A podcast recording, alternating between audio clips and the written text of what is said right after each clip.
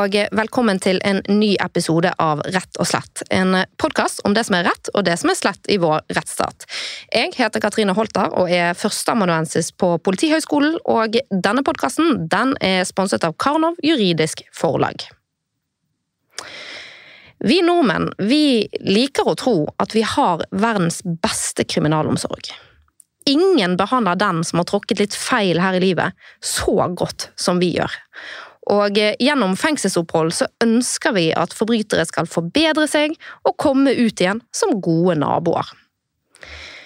I denne podkastepisoden så vil dette selvbildet vårt bli litt utfordret. For den manglende politiske viljen til å betale for en god kriminalomsorg har fått konsekvenser.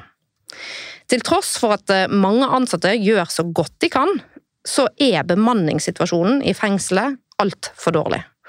Og i dag så blir noen innsatte rett og slett skadet av å sitte i fengsler. I år så publiserte Sivilombudet en rapport om forholdet i Bredtvet kvinnefengsel.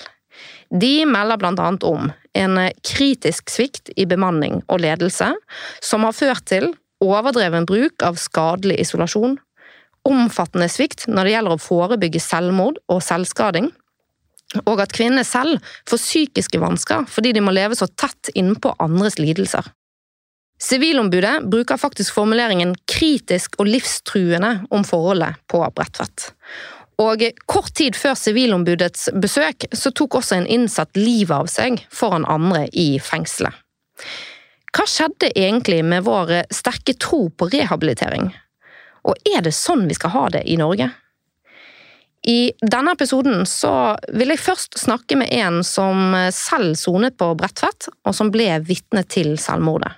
Hun er med meg på telefon fra Skien fengsel.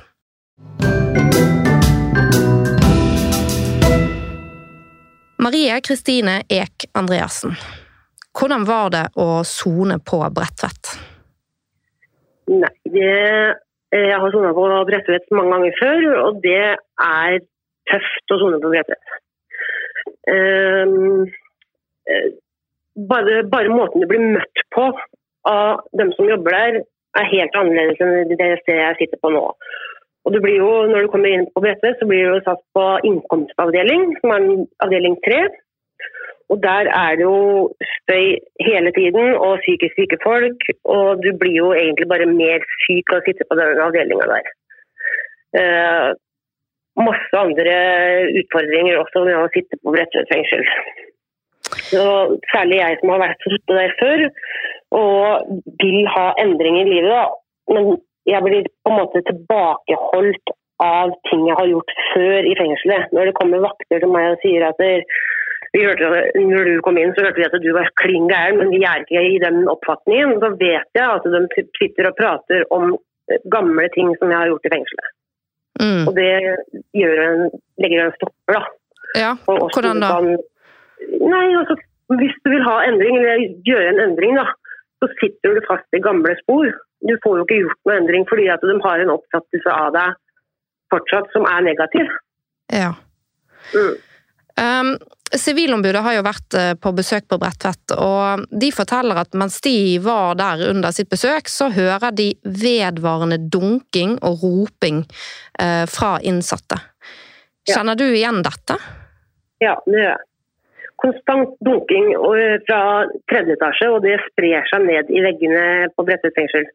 Ned til avdeling én og to, og du kan sikkert høre det bort på avdeling fire òg.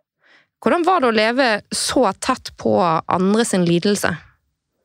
Det er tungt. Veldig tungt. Du blir jo, som jeg sier, du blir syk av deg sjøl òg.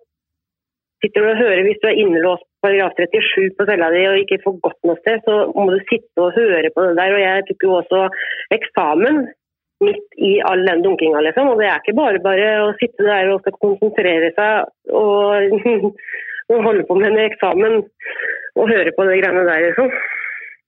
Opplever du at uh, det har vært en stor andel personer som har slitt på Bredtvet? Ja. Det er jo sånn hemmelig Jeg kaller det for hem- hemmelig straffesystem. Ja, da. At hvis du, ikke, hvis du sier meningene dine litt for kraftig, eller har, har egne meninger om ting eh, Hvis du gjør noe som helst galt i det hele tatt, så blir du sendt opp på avdeling 3 eller ned på isolatet. Sånn. Ja, og Sivilombudet de viser jo i sin rapport også til at eh, innsatte har f.eks. For fortalt at de var redde for å snakke med de ansatte om tunge tanker, fordi de da fryktet for nettopp å bli sendt på isolat, som du sier. Er det, kan du fortelle litt om det? Ja, altså, jeg skjønner folk. Jeg skjønner hun som tok livet sitt òg. Hvis hun hadde sagt ifra til vaktene der at hun slet, så er det avdeling tre du havner, havner på, liksom. Og da får du plastikkbestikk og blir låst mye mer innlåst. Får ikke tilbud om jobb hver eneste dag. Altså, ja. Hva var det som måtte til for å bli sendt på denne sikkerhetscellen, altså på isolat? Hva var det som kunne være utløsende for det? Nei, altså jeg hadde jo en episode hvor jeg sa at jeg, jeg spyttet på stjernene dine til en betjent fordi at jeg var irritert, rett og slett. Fordi de gjorde ting på verkstedet der som jeg var uenig i. Og da ble jeg sendt med der. Hvordan ser dette, eh, denne sikkerhetscellen ut, da? Den er, det er en helt eh, tom celle, bare murvegger. Det er et svært glass eller vindu i pleksiglass som du sitter og ser på deg gjennom. Du har et toalett, et høl i gulvet, og en luke eh, i gulvet som du får servert mat gjennom. Eller så ser det ut som en glattcelle. Du har en tynn plastmadrass. Det er det, ingenting annet. Nei. Hvordan er det å sitte på en sånn celle, da? Nei, det er ikke koselig i det hele tatt. Hvor lenge var det du kunne bli sittende der, da? Nei, jeg satt jo der i opptil en uke. En uke, ja. Ja. Hva, hva, hva er det som skjer med din psykiske helse når du sitter der i en uke?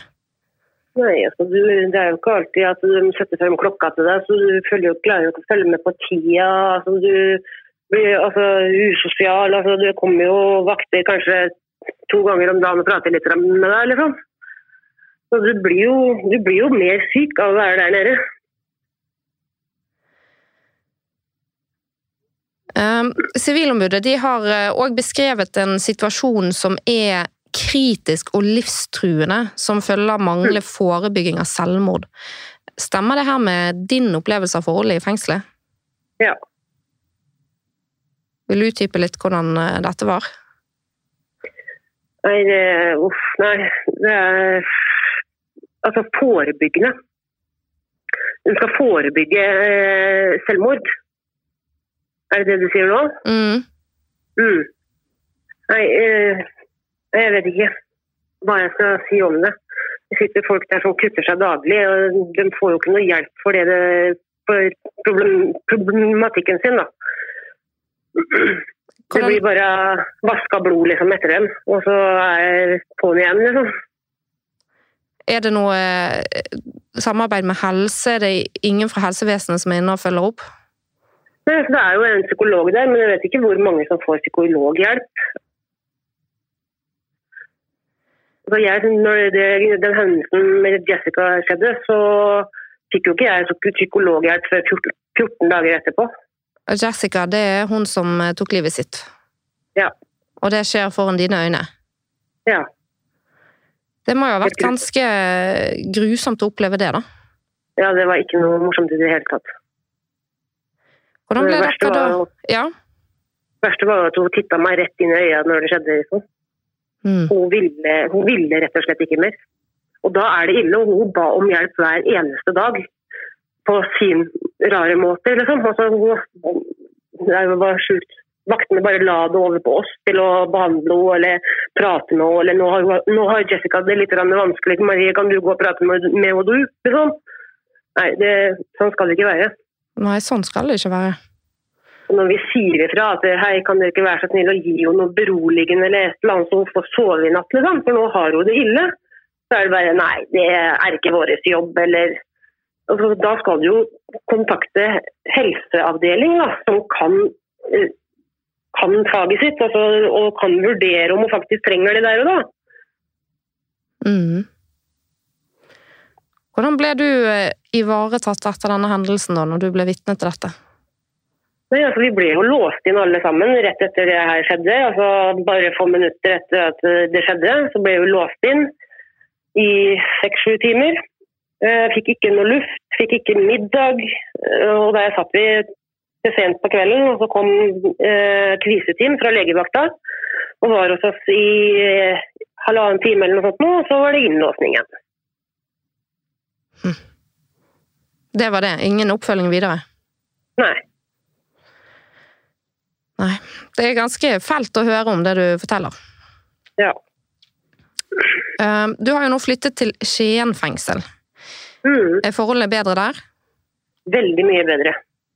Når jeg kom hit, så det første jeg la merke til, det var bare holdninga vaktene her hadde eh, overfor oss innsatte. Du, jeg følte ikke at jeg ble titta ned på med en gang jeg kom inn porten. Liksom. Var, de tok meg imot med respekt. Og pluss at skolegangen her er veldig mye bedre. Altså, du har jo mekanisk verksted og snekkerverksted som er fullt utstyrt med det nyeste verktøyet og CNC-maskiner og i det hele tatt. Skoleavdelingen her er veldig bra. Og Hvis de, de, ikke har de linjene som du holder på med, så skaffer de bøker og i det hele tatt lærere til det. Så det er veldig bra opplegg her i fengselet. Så det var rett og slett lite tilbud uh, av sånt som man tenker på som rehabiliterende tilbud i, på Bredtvet? Mm. Uh, jeg er jo etterspurt sinnemestringskurs, kurs for alternativ til vold. Det etterspør jeg fortsatt. For jeg synes at Når man blir satt i fengsel, så skal man rehabiliteres for det man sitter for. Ellers så kommer man til å slippe ut og fortsette med akkurat samme greiene som man har holdt med før. Liksom. Da er det jo bedre å bli sendt i fengsel og få jobba med problemene sine og komme ut i samfunnet som et bedre menneske, mener jeg da. Men det, man har ikke penger i kriminalomsorgen i dag til å gjøre sånne ting. Fordi at eh, regjeringa kutter på budsjettet til kriminalomsorgen hvert eneste år. Og det går utover oss. Hvordan er ivaretakelsen av psykisk syke på Skien sammenlignet med Bredtvet? Her har man en egen avdeling for dem som er psykisk syke. Ja. På Bredtvet så har de jo avdeling tre, hvor de sender alt, på en måte, men her blir de psykisk syke. De blir sendt på en egen avdeling. Som også skal bygges ut for de pengene de har fått av regjeringa. Hva tror du må til for å gjøre situasjonen på Bredtvet bedre, da? Vi må få en sånn avdeling der òg. Mm som gjør at dere da ikke kommer så tett på Altså de som er friske, ikke kommer så tett på de som har uh, store ja. utfordringer, da? Ja. Mm. Og at de har tilsyn 24 timer i døgnet. Mm. Tusen hjertelig takk for at du var med i podkasten, rett og slett, Marie. Jo, takk for at jeg fikk være med.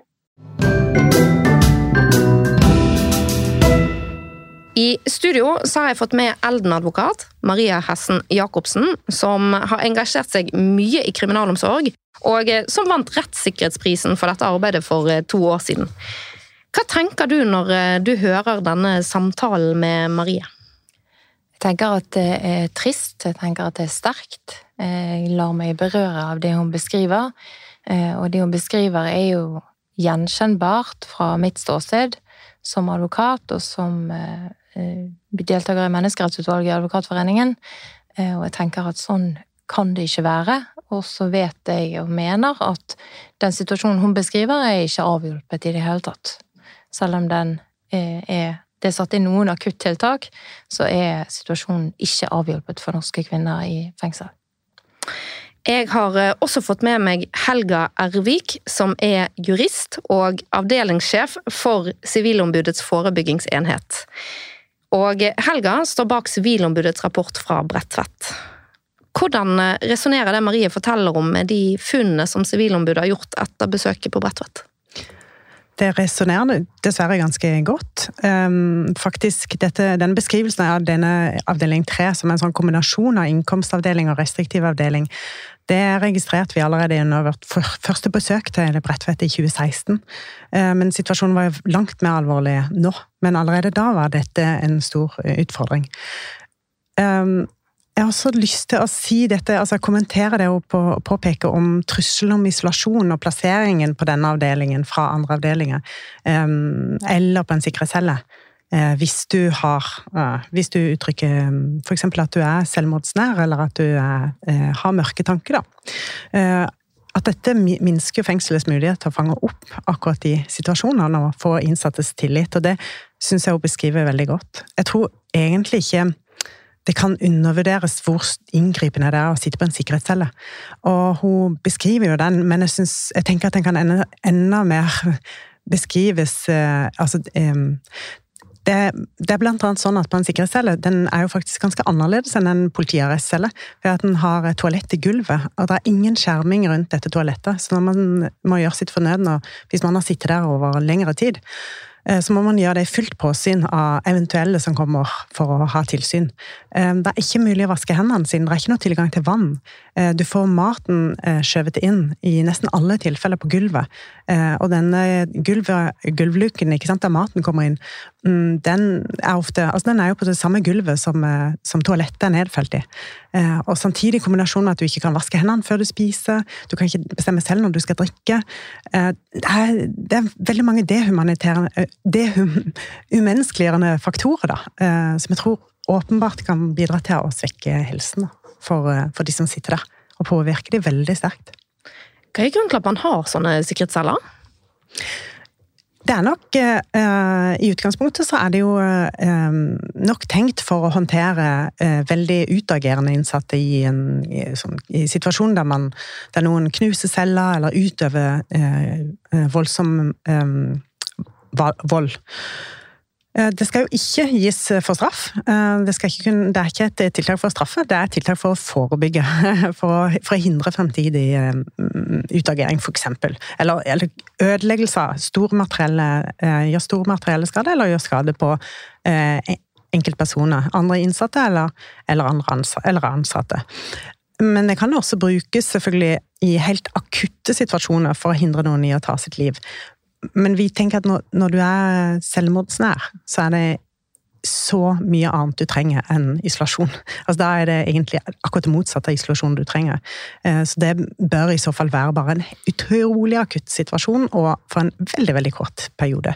For det aller viktigste da er jo å være tett på med menneskelig kontakt, ikke å bli satt på et glatt sted uten kontakt. Mm. Og kvinner er jo da spesielt utsatt og eksponert for eh, sikkerhetsceller og beltelegging, kanskje beltelegging spesielt. Og begge de to tiltakene er jo ment for å avhjelpe helt akutte situasjoner med, med fare for alvorlig helseskade, men blir begge deler brukt som et eh, vedvarende virkemiddel i møte med mennesker som er i dyp alvorlig krise, og som trenger eh, noe helt annet. Um, og det er ikke sånn at dette er akutt. Det er ikke noe som kommer brått på. Behovet for dette har, har vi kjent til i årevis. Behovet for å avhjelpe dette på en annen måte. Eh, det er gjennomkritiserte virkemidler. Eh, og den underliggende kunnskapen og vissheten om at dette er det jeg blir møtt med hvis jeg sier fra om at jeg har det så utrolig kjipt at jeg vil ta livet mitt, det den vil jo effektivt hindre enhver kunnskap fra å komme til, til fengselet og til de som kan hjelpe. Eh, og kriminalomsorgen og helse kan ikke være satt i en situasjon der det er dette som er ja, Og de innsatte, ikke minst. Når er det da egentlig lov til å bruke sikkerhetsceller? Hva er det som er vilkårene for det? Rettslig sett? Vilkårene for å bruke sikkerhetscelle og eh, belteseng, altså det som er omtales som sikkerhetsseng i et fengsel, det er nedfelt i straffegjennomføringsloven paragraf 38. Eh, og det er eh, i mm, alvor, eller når det er nødvendig ut fra, og så er det en liste over vilkår som eh, skal være, eller alternative situasjoner. Eh, men Det er jo et Altså, det er, det er et Listen Vilkårene er høye, så det skal mye til i utgangspunktet. Og en av de tingene vi påpeker på Bredtvet, eller i denne rapporten vår fra Bredtvet, er at vilkårene igjen, eh, i mange av de tilfellene eh, der det var fatta vedtak om plassering på en sånn sikkerhetscelle, ikke var oppfylt. For det var ikke situasjoner som var så alvorlige at de tilsa at vilkårene var oppfylt. Um, så det er snakk om ulovlig, rett og slett ulovlig bruk av sikkerhetsceller på Bredtvet? Ja, det, det, var det, eh, det, var det, absolutt. Um, I tillegg så var det sånn at um, det vi er opptatt av også, er jo at én ting er liksom den helt akutte situasjonen når krisen er der, men det som er viktig uh, når man er når man er et organ eller en statlig instans som kan frata noen friheten, eh, som fengslene, og skal utøve så inngripende makt, så er det jo utrolig viktig at man eh, forvalter den makten på en god måte. Og Det innebærer også at man har stort ansvar for å forebygge at man kommer i en sånn situasjon som ender opp i en Eh, voldsom konflikt. Eh, og det som bekymra oss veldig, var at flere av de situasjonene når vi gikk inn i dokumentasjonen og så på hvordan de hadde utvikla seg, så hadde de kanskje starta i ganske små forhold, altså ganske Bagatellmessige. Ja, bagatellmessige situasjoner som kanskje ble forsterka nettopp av en trussel om eh, å komme på sikkerhetscelle, eller en fratagelse av muligheten til å komme ut på frisk luft, eller andre situasjoner som gjorde noen veldig fortvilte.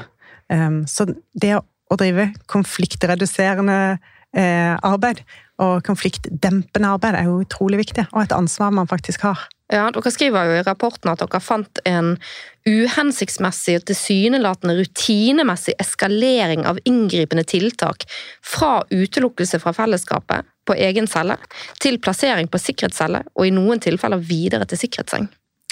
Ja, og bekymringen var også at eh, når man gikk ut av en sikkerhetsseng, så gikk man tilbake til sikkerhetscellen egentlig som en rutine. Så gikk man tilbake også som en rutine til utelukkelse fra fellesskapet. Eh, så denne perioden da, der du kunne gå inn og se på et sikkerhetscellevedtak, så hvis du så på hele perioden Uh, altså gikk lenger bak i tid på dokumentasjonen og forover i tid, så vil du kanskje se at det var isolasjon i ulike former, da. Med ulike grader. Men men isolasjon. Eh, og det å gå også fra en sikkerhetsseng, altså en beltelegging, tilbake til en sikkerhetscelle, det virker Ja, det, det, det er mm, det er, det er, veldig, veldig harde, harde forhold. Veldig harde og dramatiske virkemidler. Ja. Med ganske store konsekvenser for langtidseffekter. Altså negative langtidseffekter. Vi er jo veldig redd for at um, akkurat denne fratagelsen av isolasjon på sikt veldig, gjør akkurat det motsatte. da. Altså for Isolasjon, vi må snakke litt om det. For det er jo også noe som du Maria, har vært eh, og jobbet mye med mm. i andre saker. Du har jo da isolasjon i ulike situasjoner. Du kan bli isolert på en celle der du må, eh, enten bare pga. bemanningssituasjonen, at du må sitte veldig mange timer per døgn på din egen celle og stengt ute fra et fellesskap. Mm. Her snakker du om at man egentlig kan bli stengt ute av et fellesskap som en form for reaksjon, ikke sant? og dermed sitte på cellen. Og så har du det at jeg kan da eskalere til en sikkerhetscelle, og eventuelt da til en belteseng, og så tilbake til en sikkerhetscelle. Um, hva, hvor lenge kan man sitte på la oss begynne med det, hvor lenge kan man sitte på sin egen celle før det blir ulovlig i døgnet? Eh, I utgangspunktet så har alle en rett på fellesskap eh, hver dag, og program og virksomhet utenfor cellen sin. Eh, og så er det ikke noe klare regler for Det er ikke noen minste utlåsingstid i Norge i norsk rett i dag. Det er en avgjørelse fra Høyesterett som sier at hvis du sitter innelåst i mer enn 22 timer, så skal du ha fradrag. Og dermed er det blitt Altså fradrag i straff? I straff, ja, hvis du ja. sitter i det i varetekt. Og dermed så har det blitt en slags sånn uformell grense. Men det er klart internasjonale menneskerettsstandarder anbefaler minst åtte timer. Vi er blitt gjennomgående kritisert ute av celle. Ute av celle hver dag. I fellesskap med andre, og meningsfullt fellesskap. Um, og eh, der er vi ikke i dag. Eh, vi er betydelig langt unna at alle får den eh, minste utlåsingstiden. Eh, og også i de nye forslag til regelverk så er heller ikke det foreslått engang som en minstestandard i regelverket, for det vil koste for mye. Um, Fordi det krever bemanning, rett og slett? Det krever bemanning, og det krever til dels også at man uh, tenker arkitektur på en annen måte enn det vi har gjort hittil. Um, men det er til syvende og sist et rent økonomisk spørsmål. Det er et ressursspørsmål uh, og et viljespørsmål. Nabolandene våre klarer helt fint uh, å etablere sånne regler i regelverket sitt. Det burde vi også klare. Hva er det nabolandene våre har kommet frem til, da? Ja, Vi skrev jo litt om dette faktisk i den særskilte meldingen som Sivilombudet eh, Eh, skrevet i 2019 eh, til Stortinget. Eh, og da undersøkte vi både Sverige og Danmark, og der er det jo faktisk regulert at det skal være utlåsning fra morgen til kveld. Altså at man er bare innlåst om, om natten. Og utover det så er man utlåst i enten i et fellesskap eller til aktivitet. Det som jeg tror mange ikke vet om fengslene og hvorfor man er innlåst, det er at tanken er at det skal være, og ikke bare tanken, men regelverket også, er at det skal være Enten så er du um, utlåst, og da er du uh, ivaretatt av en ansatt hvis du er mer enn deg selv. Så hvis det er flere innsatte samtidig ute i, i arbeid eller i et fellesskap på et kjøkken, eller noe sånt, så skal det være ansatte til stede. Og det handler jo om sikkerheten. ikke sant? Det handler, og det handler om relasjonsbygging og rehabilitering. Um, og det mange ikke vet, er at um, så enten det, eller så er du innlåst. Eh, og det mange ikke vet, da, det er at hvis det ikke er eh, aktiviseringsmuligheter, f.eks. noen er syke på verkstedet, så verkstedet i dag er avlyst, eller skole er avlyst, eller eh, det er for få til at vi kan være i fellesskapet, så blir man faktisk innlåst. Så mangel på aktivitet er, ofte lik innlåsing på egen celle. Eh, og det var det vi påpekte i, i vår særskiltmelding til Stortinget fra 2019. At én eh, ting er alle de beslutningene om vedtak hvis den innsatte har gjort noe som tilfredsstiller vilkårene i paragraf 37 i straffegjennomføringsloven om at du kan utelukkes fra fellesskap fordi du har gjort et eller annet som, som, eh, som du da ikke skal. Men en annen ting er alle de som rett og slett bare sånn de facto, altså faktisk er innlåst fordi det er ikke aktivitet. Vet vi noe om hvor mange i Norge i dag som er Altså hvor mye isolasjon som brukes i norske fengsler? Hva er det som er vanlig? Vi vet litt mer om det enn vi gjorde i 2019, og vi var jo veldig kritiske til mangelen på tall. Så det var et av hovedpunktene faktisk i den særskilte meldingen, at her må det bedre tall til. Nå uh, gjennomføres det mer systematiske tellinger, uh, så det er noe mer oversikt over uh, bruken av isolasjon. men noe av utfordringen her, og, og, det skal sies KDI har også blitt gode til å publisere dette på nettsiden sin med oversikt, månedlig oversikt over isolasjon.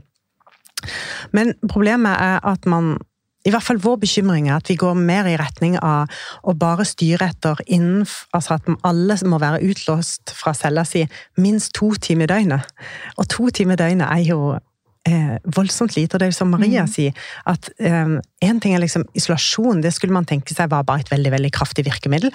Og så var normaliteten en helt annen. Mm. Vi ønsker jo ikke at normaliteten skal måles etter de, det strengeste virkemidlet du nærmest har. ikke sant? Mm. Uh, så det vi er på vei til å virke, eller vi kan være bekymra for at vi er på vei til å skli vekk fra at åtte timer burde være et minimum. Og det er jo det Den europeiske torturforebyggingskomiteen har gjentatt uh, og gjentatt. Åtte timer. Meningsfull menneskelig liksom, uh, aktivitet og ja, Det burde være et minimum. Det høres jo da ut som det er dramatiske forskjeller egentlig på å sitte i et fengsel i Norge sammenlignet med i Sverige eller Danmark. Det er nok veldig eh, ulikt fra fengsel til fengsel også, tror jeg. Ja, mm. og også kan det være store forskjeller internt i et fengsel også, mm. Alt etter hvilken avdeling du sitter på. Og det kan gjerne ikke nødvendigvis ha sammenheng med hvem du er, eller hva du har gjort, eller noe sånt, bare hvor fengselet har ressursene sine. Um, men jeg tenkte jeg kan også nevne at uh, det siste tallet jeg hadde fra Oslo fengsel, var vel at de har en gjennomsnittlig utlåsingstid for de innsatte der på under fire timer. Som betyr at noen sitter veldig veldig mye innelåst store deler av mm. døgnet, mens andre sitter mindre. Og i de internasjonale menneskerettsstandardene der denne 22-timersgrensen er hentet fra, der Høyesterett har brukt denne, der er det samtidig en annen regel som sier maksimalt 15 dager i strekk kan du sitte på denne måten, og det er isolasjon. Eh, og det er en øvre grense. Vi har ingen øvre grense i Norge. Jeg har klienter som har sittet på eh, nærmere 22 timer innlåsing i mange, mange uker. En kvinne som satt i fem og en halv uke, som vi har kjørt en klagesak på og kanskje vil eh, fremme søksmål på. Eh, og det er alvorlig helseskadelig, og det er selvfølgelig menneskerettsstridig. Og den grensen for hvor det er menneskerettsbrudd, den går ikke ved 22 timer i det hele tatt. Den går etter helt andre parametere, og det må før eller siden kriminalomsorgen og staten og Justisdepartementet ta konsekvensen av å innarbeide regelverk som sikrer at vi hindrer menneskerettsbrudd. Tar sikreplikten på alvor. Kan dere si noe mer om hva vi vet om effekten av isolasjon? Vi vet mye om det. Vi dokumenterte egentlig ganske mye av den forskningen også i eh, et av kapitlene i denne særskilte meldingen. For vi syns det var viktig rett og slett å få løfta eh, inn til Stortinget og også til andre eh, Også til forvaltningen. At hva vi vet om skadevirkningene. For for det, Istedenfor bare å snakke, snakke, om at vi må få slutt på isolasjon, virkelig få internalisert i kriminalomsorgen også hva er, det, hva er det vi snakker om. Og vi snakker om at uh, det uh, uh, Som Maria refererer til, disse FNs minimumsstandarder, Mandela-reglene, som sier at 22 timer inn, i maksimalt 15 døgn om dagen, de baserer seg på forskning som viser at utover det så er risikoen så høy for skadevirkninger at det ikke aldri bør finne sted. Eh, og vi snakker om psykiske skadevirkninger, vi snakker om traume, vi snakker om re, um, uh, gjenoppvåkninger, altså reopplevelse av gamle traumer. Uh, vi snakker om fysiske forhold, hodepine, svimmelhet, desorientert, mangel, miste evnen til å forstå, til å kjenne tid, uh, panikk. Um, ja, magetrøbbel Altså alle mulige stressymptomer, egentlig, som kan både få fysiske og psykiske utslag. Kan det også få varige konsekvenser? Ja, det er vi jo veldig bekymra for. Det er mye som tyder på at det å være over tid, i hvert fall, eh, på isolasjon, at det annet kan øke selvmordsrisikoen. Eh, og også eh, er det sånn at Mandela-reglene peker på, og det igjen er jo belagt med, eller på bakgrunn av kunnskap, at vi vet ikke alltid eh, hvem det er som er sårbare, mest, mer sårbare for isolasjon, men det vi vet er at eh, mennesker med psykiske lidelser eh, i utgangspunktet, eller traume, eller mindreårige, og, og også, vil jeg si, unge innsatte, altså, også over 18, for eksempel, disse som er 18, 19, 20, 21, at de er mer utsatt for, for skadevirkninger raskere. Og er det sånn at da, når en person blir isolert på en sikkerhetscelle, så er helseskadene enda større. Det er jo en ytterligere frihetsberøvelse. Det er jo forskjellige grader av frihetsberøvelse, og der, der, dette er enda et hakk til, eh, og du fjerner en del av de avdempende tingene i rommet, mm. eller i, i, eh, sfæren rundt vedkommende, som gjør at du fratar eh, ting som kunne hatt fokus på. Eh, på en vanlig celle der du, så har du sengen din, du har badet, du kan gå inn og ut av badet, du kan se på TV eh, eller lese bok. I en sikkerhetscelle så har du jo ingenting annet enn deg sjøl og tankene dine, Eh, som er fryktelig inngripende. Jeg tenker Jeg kan si jeg har møtt eh, mine egne klienter eh, før og etter perioder der de har vært innelåst mye. Eh, og kan bare si at den opplevelsen av hvor vesentlig forandret vedkommende kan bli, eller hvor skadelig det kan være, og den er helt absurd. Og for noen av dem så er det så utrolig inngripende. Eh, stemmen til klienten min var annerledes i den ene saken.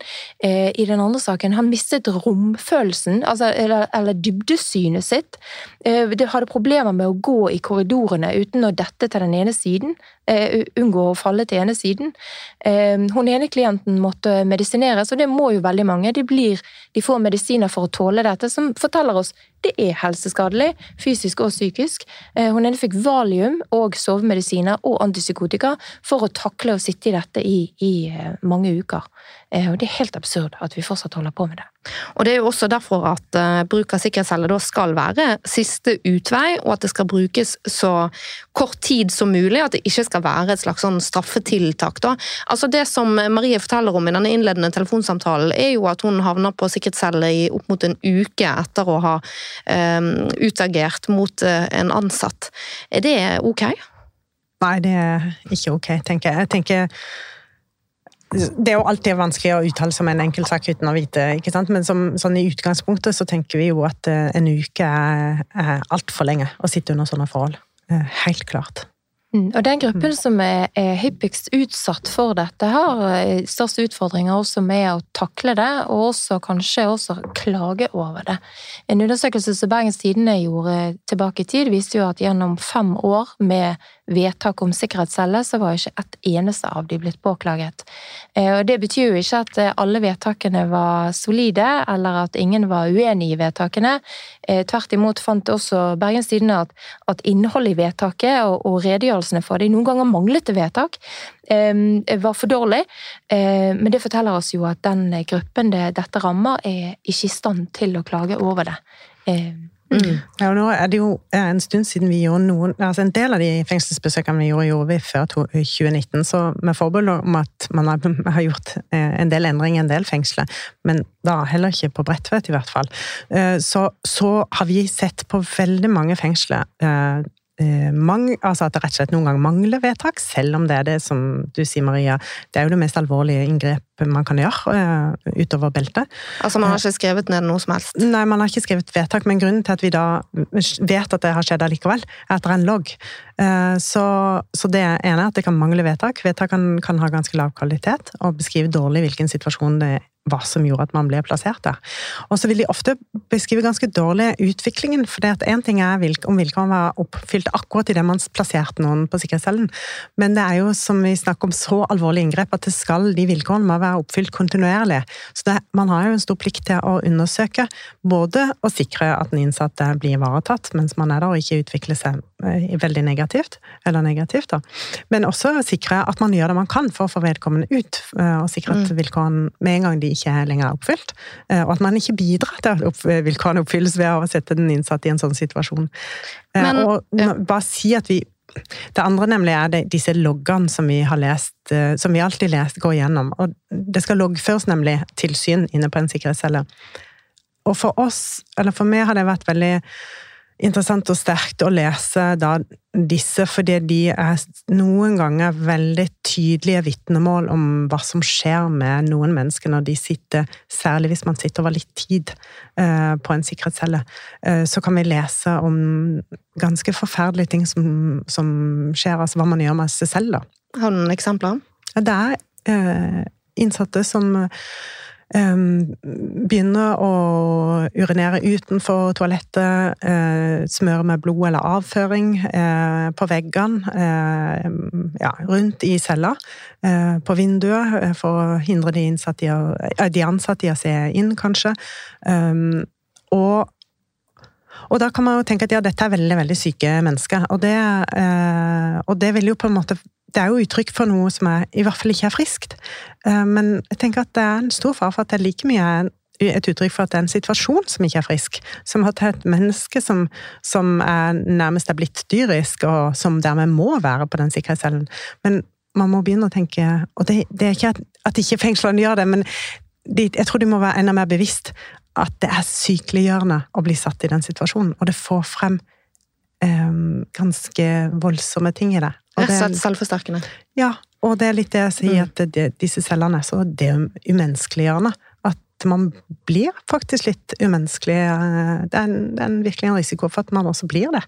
Men det er jo også derfor dette da juridisk sett diskuteres opp mot uh, menneskerettighetskonvensjonen sitt uh, forbud mot nedverdigende og umenneskelig behandling. Mm. Hva er det som skal til for at noe blir tortur? Eh, det er litt strengere vurdering for at noe går over umenneskelig og nedverdigende behandling, og det er nok umenneskelig og nedverdigende vi aller helst eh, snakker om i risiko for i Norge. Tortur, der har du mer en hensiktsvurdering som kommer i tillegg, eh, om å påføre noen lidelse. Men mm. umenneskelig og nedverdigende behandling er ille nok. Mm. Ja. Ok. Um... Og det er jo helt absurd at vi, at vi i dag Eh, beskriver, at vi leser beskrivelser om så høy risiko for å bevege seg over den terskelen, den nedre delen av den terskelen, i et moderne demokrati i 2023, eh, og der denne beskrivelsen kommer fra flere ulike fengsler i, eh, over hele landet. Det er helt uakseptabelt. Og jeg er helt enig med Maria i at vi absolutt hovedsakelig snakker om umenneskelig og nedverdigende behandling, men samtidig kan vi ikke utelukke faktisk, når det er så sterke virkemidler som sikkerhetscelle, at det noen ganger eh, kan, kan, ha blitt brukt straffende. Og hvis det blir brukt et straffe, med et straf, en straffehensikt, eh, så kan det rammes hvis terskelen for krenkelse Hvis alvoret i lidelsen er høy nok, da, eh, så kan, kan, det også være at, man, at en domstol kunne ha funnet eh, torturforbudet som At det blir rammet av torturforbudet. Det er interessant.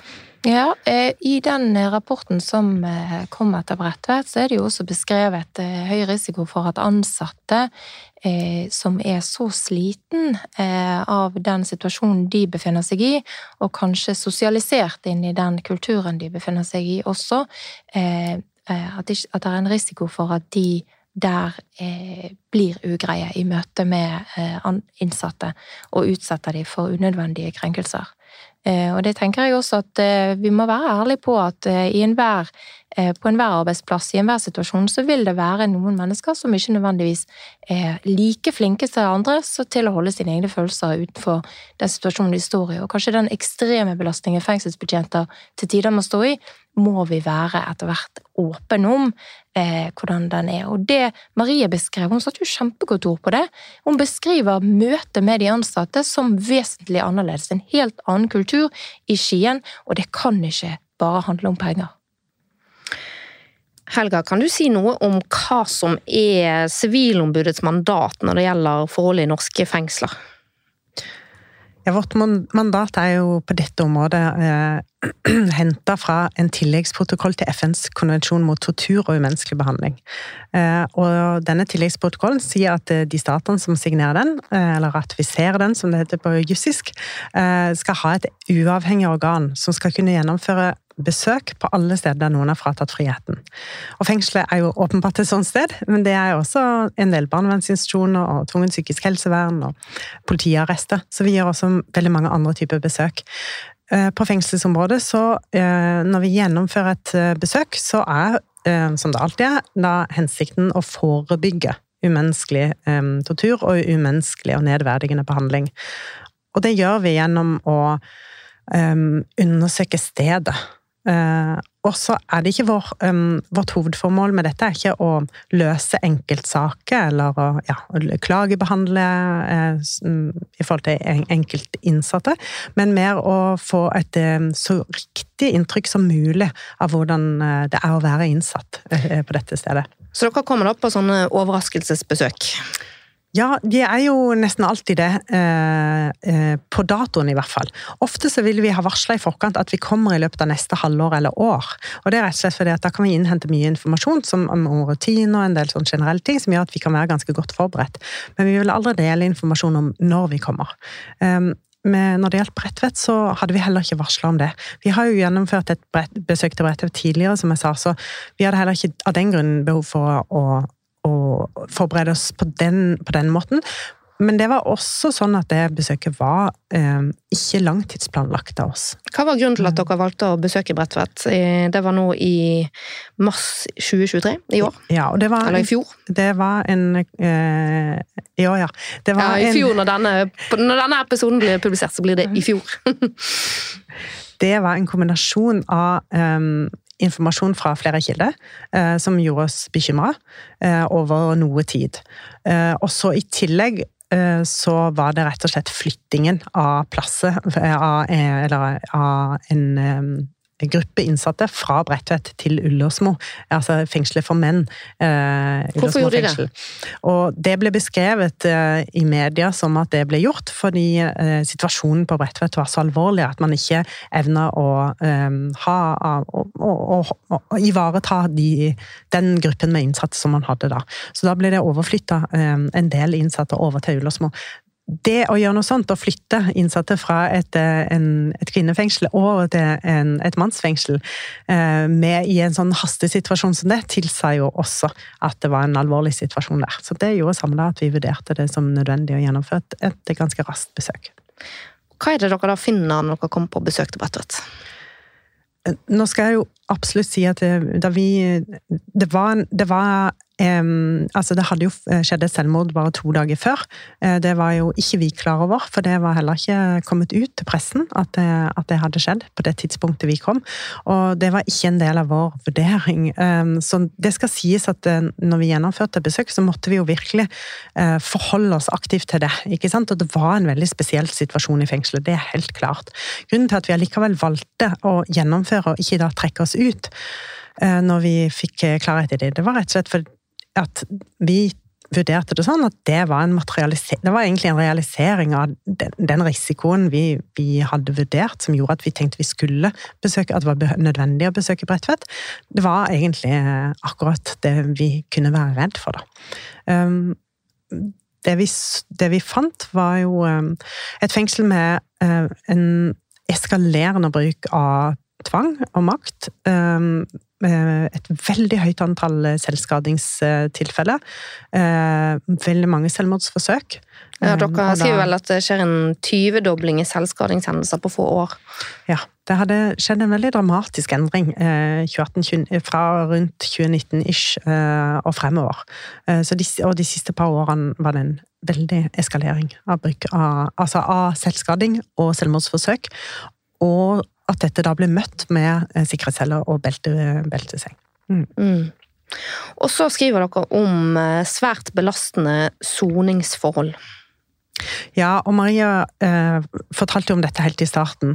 Eh, eh, og vi påpekte dette allerede i 2016, dette med de utrolig lytte forholdene. ikke sant? Og at det er et veldig, Bygningsmessig er det, et, er det veldig vanskelig. Med, er Bredtvet veldig vanskelig. Men, men, det hadde jo ikke vært så godt heller hvis det bare var støyisolert, for det, det er jo et uttrykk for at noen har det veldig vondt.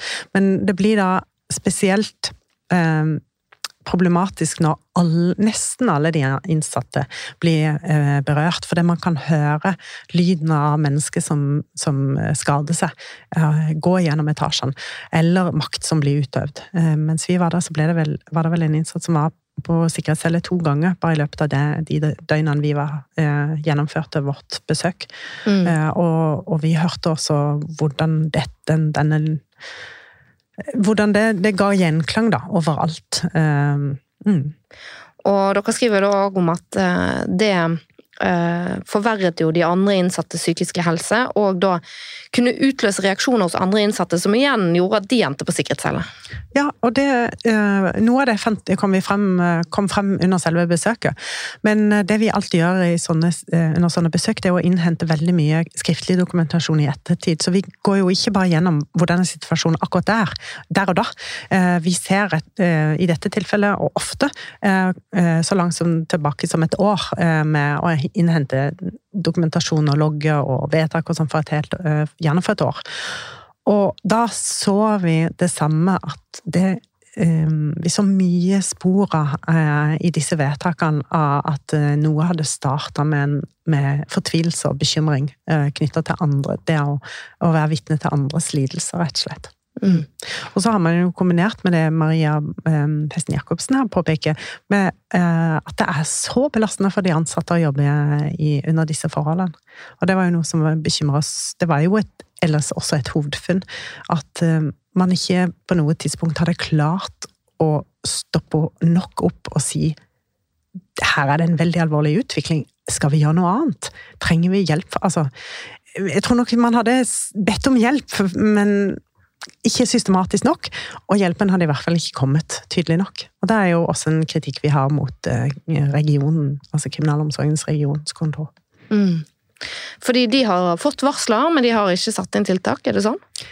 Nei, Det ble jo satt inn en god del tiltak etter at vi da hadde gjennomført besøket. For det vi gjorde, og som vi aldri har gjort før, det var at vi vurderte situasjonen som så alvorlig at vi, eh, før vi har skrevet rapporten, eh, varsla eh, Justisdepartementet om disse kritiske og livstruende forholdene, som vi omtalte det som. Og det er noe vi egentlig aldri gjør, for jeg tenker at det viktigste vi kan gjøre, det er å dokumentere grundig og solid. Hva vi, eh, hva vi kan lese ut av dokumentene, hva vi ser av observasjoner, hva som kommer frem av intervjuer. Sammenstille dette og lage en, en solid, faglig solid eh, eh, rapport. Men det tar tid. Eh, og vi vurderte det rett og slett sånn at tiden ikke Det vil ikke være ansvarlig å komme tre måneder etterpå og si det er en akuttsituasjon. Mm. Så det gjorde at vi Livstruende og kritisk, skriver ja. dere. Og da varsla vi altså Justisdepartementet. I, I, etterkant av det varselet så ble det jo gjort flere endringer på Bredtvet, og Bredtvet fikk flere midler. Um, tenker nok at det kunne ha kommet tidligere.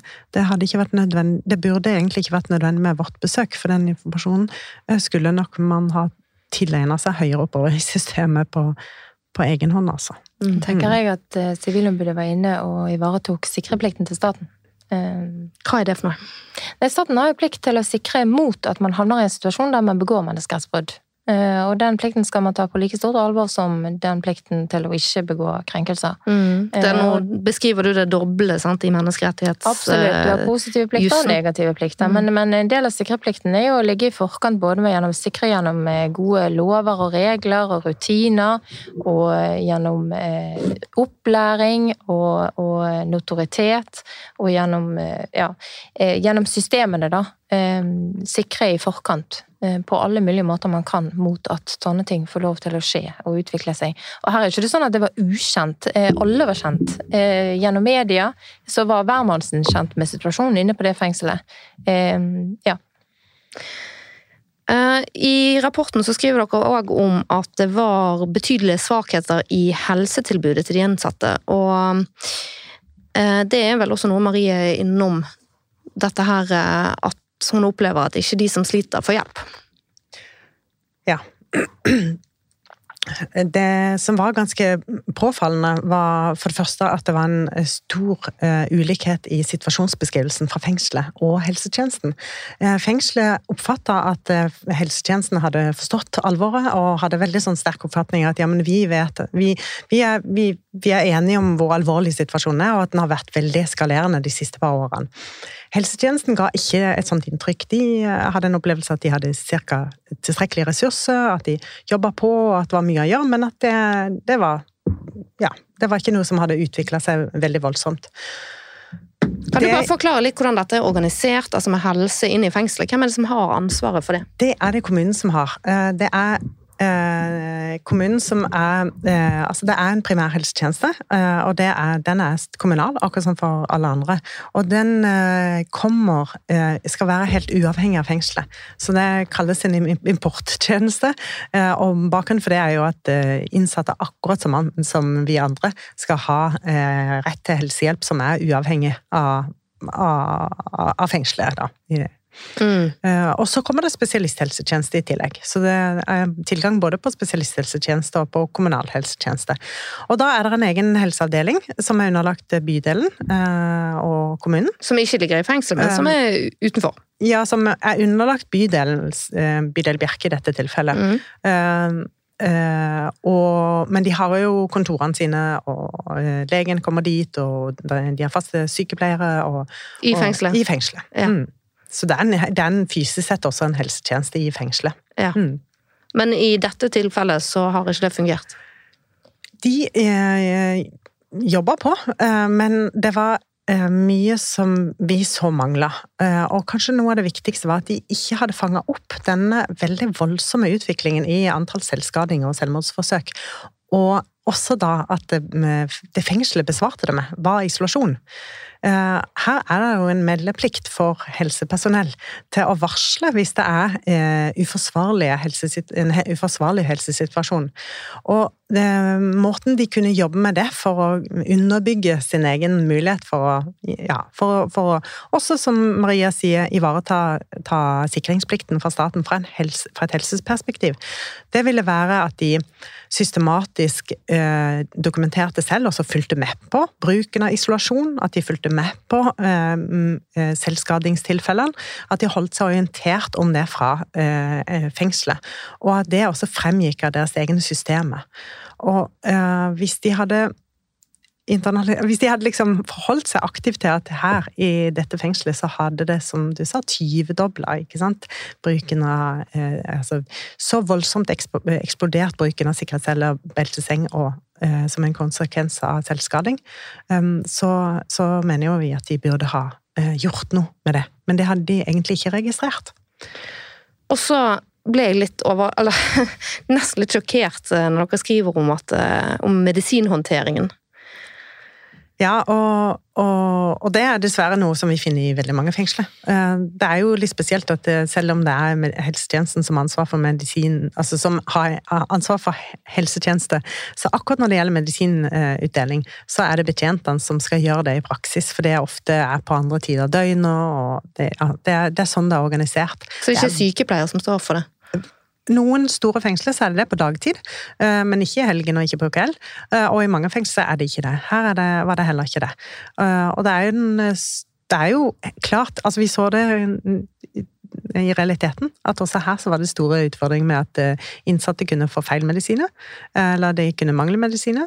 Medisiner forsvant. Ja. Helt utrolig når man vet uh, hvor nøye dette her er regulert i, på sykehusene, da, og hvem som har tilgang til å gi ut medisiner og den slags. Og det er nok sånn at mange betjente også opplever det som et for stort ansvar, tror jeg. Mm. Mm. Ja, det er ikke noe rart. Nei. Det kan ikke være enkelt å jobbe i et sånt system. Jeg vet ikke om de underviser i alt dette på Kriminalomsorgens utdanningssenter for fengselsbetjentene. Det de skal, er satt til å håndtere. Jeg får liksom litt vondt av de ansatte òg, når jeg hører om dette. Absolutt, og de har jo også vært tydelige, høye stemmer på vegne av de innsatte og på vegne av seg selv og sagt mye om hvordan nedskjæringene og kutt i bemanning og bygning og alt de gjør med, med hverdagen til de innsatte, men også hverdagen til de ansatte. Og jeg har jo i det siste, når jeg har vært i debatter eller foredrag, vært tydelig på at jeg tenker det er spørsmål om tid før, før vi representerer ansatte. Eh, overfor staten. Altså den situasjonen de er blitt etterlatt i. Um, og jeg har veldig stor respekt for jobben de gjør, og selv om jeg mener at det finnes ukultur, som vi er nødt til å snakke mye høyere om og kontrollere bedre, så er det kriminalomsorgen full i gode mennesker som virkelig ønsker å gjøre en forskjell, og som er helt ute av stand til å gjøre det med de rammene de har fått. Du som forsvarer, har du blitt kjent med at det finnes lignende tilstander i andre norske fengsler? Kanskje ikke beskrevet like ekstremt, og nå har ikke jeg innsikt i fengselet annet enn gjennom enkelte historier, men eh, avdelinger i andre fengsler mener jeg er eh, helt på linje med dette. Eh, kanskje de, særlig de mottaks- og isolasjonsavdelingene i noen fengsler. Men man trenger ikke mer enn å lese Sivilombudets særskilte melding fra 2019, eller noen av de 19 rapportene de har skrevet fra fengselsbesøk i perioden 14 til 19, eller torturforebyggingskomiteen til Europarådet eller FN, eller ja, for å se beskrivelser. Og hvis man tenker på alle disse og holder disse opp mot den innledningen du holdt, det bildet norsk kriminalomsorg har av seg selv, eller det bildet vi har pleid å ha, de målene vi egentlig har tuftet eh, og bygget norsk kriminalomsorg på, så er det jo en vesensforskjell. Du representerer eh, de etterlatte etter den kvinnen som tok livet sitt foran andre innsatte på Bredtvet. Mm. Kan du si noe om hvordan denne kvinnen hadde det på Bredtvet?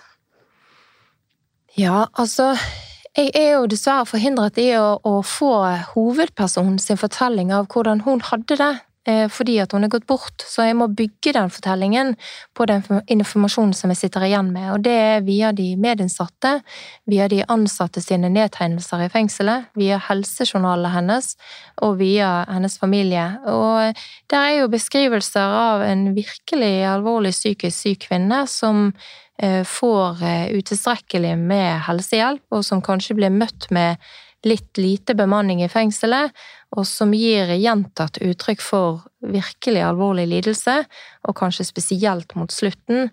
Eh, og gjennom de medinnsatte sine fortellinger så ser vi at de har blitt overlatt mye av ansvaret for å avhjelpe en del av symptomene hennes.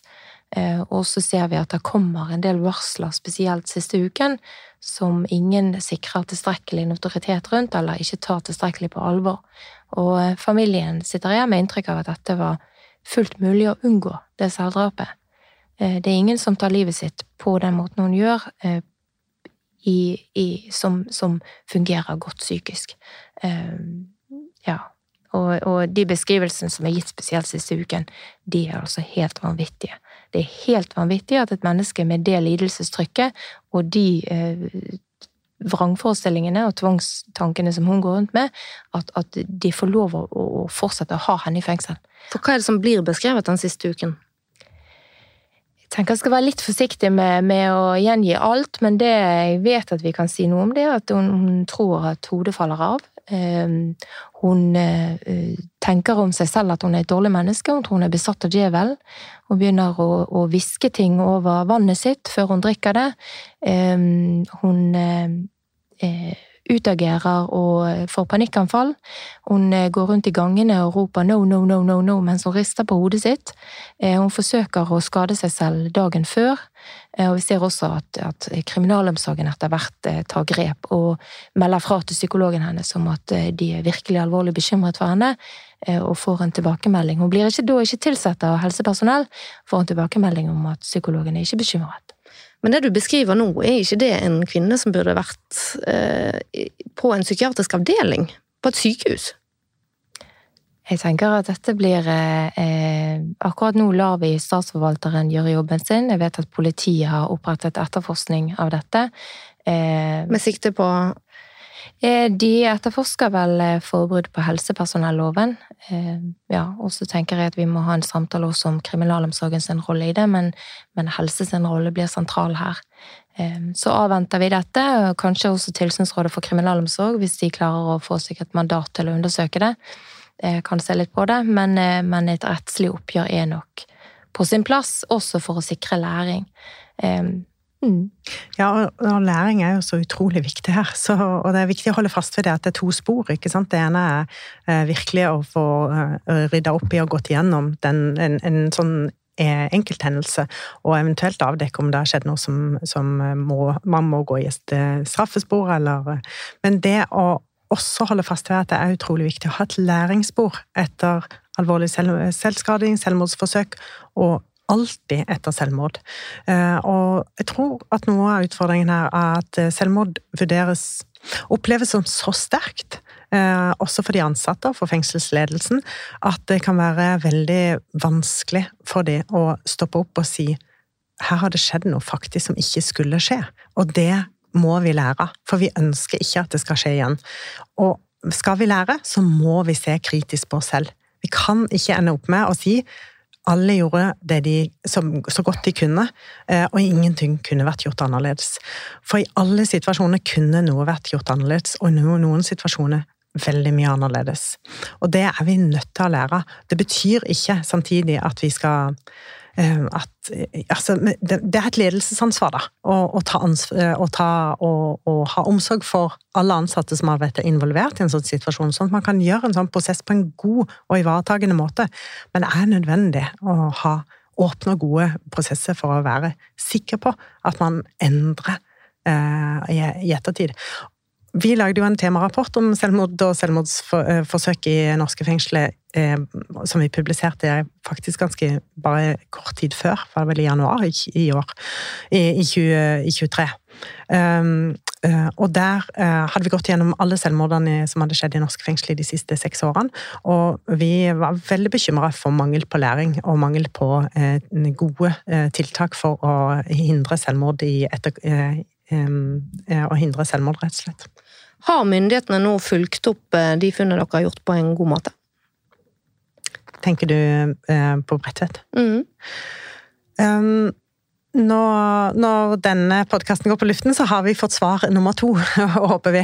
Men uh, akkurat nå så har vi fått svar nummer én fra uh, Fordi vi har gitt de en, både fengselet, helsetjenesten, spesialisthelsetjenesten og regionen, som vi alle hadde anbefalinger til, tre måneders frist for å fortelle oss hvordan de har rapportert om hvordan de har gjennomført anbefalingene. Um, vi har mottatt alle de, og vi har gjennomgått de grundig. Um, og vi har ikke sett at det tilfredsstilte eh, behovet vårt for å eh, si at nå kunne vi lukke besøket. Så eh, bortsett fra for spesialisthelsetjenesten, der vi har lukka besøket, så har vi bedt om mye mer informasjon. Og for helsetjenesten og fengselet ganske mye mer informasjon. Er det krise i kriminalomsorgen? Ja, absolutt. Mm. Hva tror du må til for at kriminalomsorgen skal komme seg ut av denne krisen? Eh, jeg har en vanlig liste som jeg pleier å redegjøre for. Jeg ønsker meg en eh, god menneskerettslig revisjon av straffegjennomføringsloven, eh, som gjør at den i alle fall sikrer den sikreplikten som vi snakket om. De trenger å få tilført nødvendige budsjettmidler for å sikre en god nok bemanning. Og så trenger vi nok en del bedre notoritet. Og så tror jeg at Altså skriftlighet? Ja, på ting som ja, gjøres? Absolutt. Mm. Hvorfor er det viktig? Bare Når jeg går til en dommer og sier at klienten min har vært utsatt for noe, og det ikke finnes spor etter at det har skjedd noe sted, eh, så har man bare vedkommende sin fortelling. Eh, og det er for dårlig. Og det har skjedd om igjen og om igjen, i isolasjon, i nakenvisitasjon, i veldig alvorlige saker, og også i alvorlig tvangsbruk i fengselet. Og det er derfor det også er alvorlig, som du var inne på tidligere, at ikke de skriver vedtak. At det bare står i en logg. Mm. Og for når du ikke har et vedtak, så har du ingenting å klage på. Nei. Mm. Eh, og det er grav alvorlig når du har mennesker som du har full omsorg for, frihetsberøvede. Da må du føre tilstrekkelig logg. Um, i tillegg så ønsker jeg meg kanskje en åpen samtale om læring i etterkant av alvorlige hendelser, på samme måte som det skjer eh, helt eh, daglig i norske sykehus. Eh, kriminalomsorgen må åpne opp og bli De har åpenhet som en sentral verdi. De må bli mye mer åpne om hva var det som gikk galt, og hvordan kan vi lære ut av det, og ta en ærlig samtale om det. Det er ikke farlig. Eh, det er utrolig viktig, og det vil sikre liv for fremtiden. Eh, og så må vi snakke om kultur, og kanskje om hvordan vi eh, stopper opp, melder fra eller endrer uheldig kultur. Mm. Ok, Da har vi kommet til eh, den avsluttende spalten i denne episoden. og Der skal dere få lov til å fremheve noe som dere synes er rett eller slett i vår rettsstat. og Da Helga, skal du få starte. Ja, Det er jo dessverre nærliggende siden jeg skal arbeide med å forebygge umenneskelig behandling og eh, snakke om hva som kunne vært bedre, altså noe som eh, kanskje er for slett. Eh, og jeg har eh, valgt med to områder hvis det er mulig, og hvis det er plass til det. Og, men ingen av de går bare på kriminalomsorgen. Eh, så det ene er at jeg virkelig eh, opplever at det er viktig at mennesker som kommer til Norge med torturerfaringer fra hjemlandet, blir identifisert og får hjelp og får behandling eh, for de, eh, for de torturerfaringene som de har.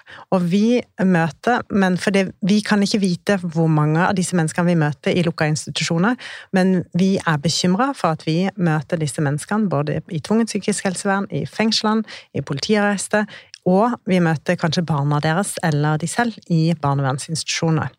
Og Torturerfaringer de de arves også. De går i arv, særlig hvis, det ikke, de ikke er noen som har fått mulighet til å, få, å, å møte en god eh, behandler og få traumebehandling. Så det er jeg veldig opptatt av at vi er altfor dårlige i Norge til å gjøre. Eh, og det fratar mange mennesker rettssikkerhet også, eh, fordi de ikke forstår hvilke rettigheter de har, rett og slett. Muligheten til å lære seg språk er også bare mye, mye mindre hvis du bærer på så store traumer. Og det er faktisk antageligvis tusenvis av mennesker i Norge. Det andre jeg har lyst til å si, det er eh, at vi trenger bedre registrering av tvang og maktbruk mot barn. Og det gjelder både i politiet, og det gjelder i tvungent psykisk helsevern. Eh, vi trenger eh, bedre systemer for å være sikre på at vi registrerer bruk av tvang, eh, sånn at f.eks. man kan, når et et barn er i barnevernsinstitusjon, at man kan ha mulighet til å vite hvor mye makt og tvang er blitt brukt mot dette barnet, f.eks. i politiet, i form av spytthette, strips, øh, øh, ja, øh, i psykisk helsevern. Hvis man er under 16, så blir det jo ikke registrert som tvang, for da er det jo familie, foreldre som samtykker. Så, ja, og det, det går jo på notoritet da. og altså rett og slett dokumentasjon. Mm. Og det handler også til syvende og sist om rettssikkerhet. Veldig god refleksjon. Maria? Mm. Uh, jeg har en på rett og en på slett. Det som er slett, er statens manglende regler for innsyn, granskning og undersøkelser. Og dermed læring etter selvdrap i fengsel, og det er åpenbart i dag i strid med EMK artikkel 2. Plikten staten har til å etterforske når det har skjedd et dødsfall i, i fengsel. Ja, for du sliter med få innsyn? Absolutt. Eh, til og med Tilsynsrådet sliter med å få innsyn, som er helt absurd. Eh, og det som er rett, er at Sivilombudet sin forebyggingsenhet, som er i realiteten det eneste velfungerende tilsynet med kriminalomsorgen i dag, har startet å besøke fengsler igjen. Og det sikrer helt nødvendig elementær kunnskap om hva som skjer. Takk til Marie Kristine Eek Andreassen, som var med på telefon fra Skien fengsel. Takk til Maria og Helga som var med her i studio, og takk også til alle dere der hjemme som har lyttet på denne episoden. Vi høres!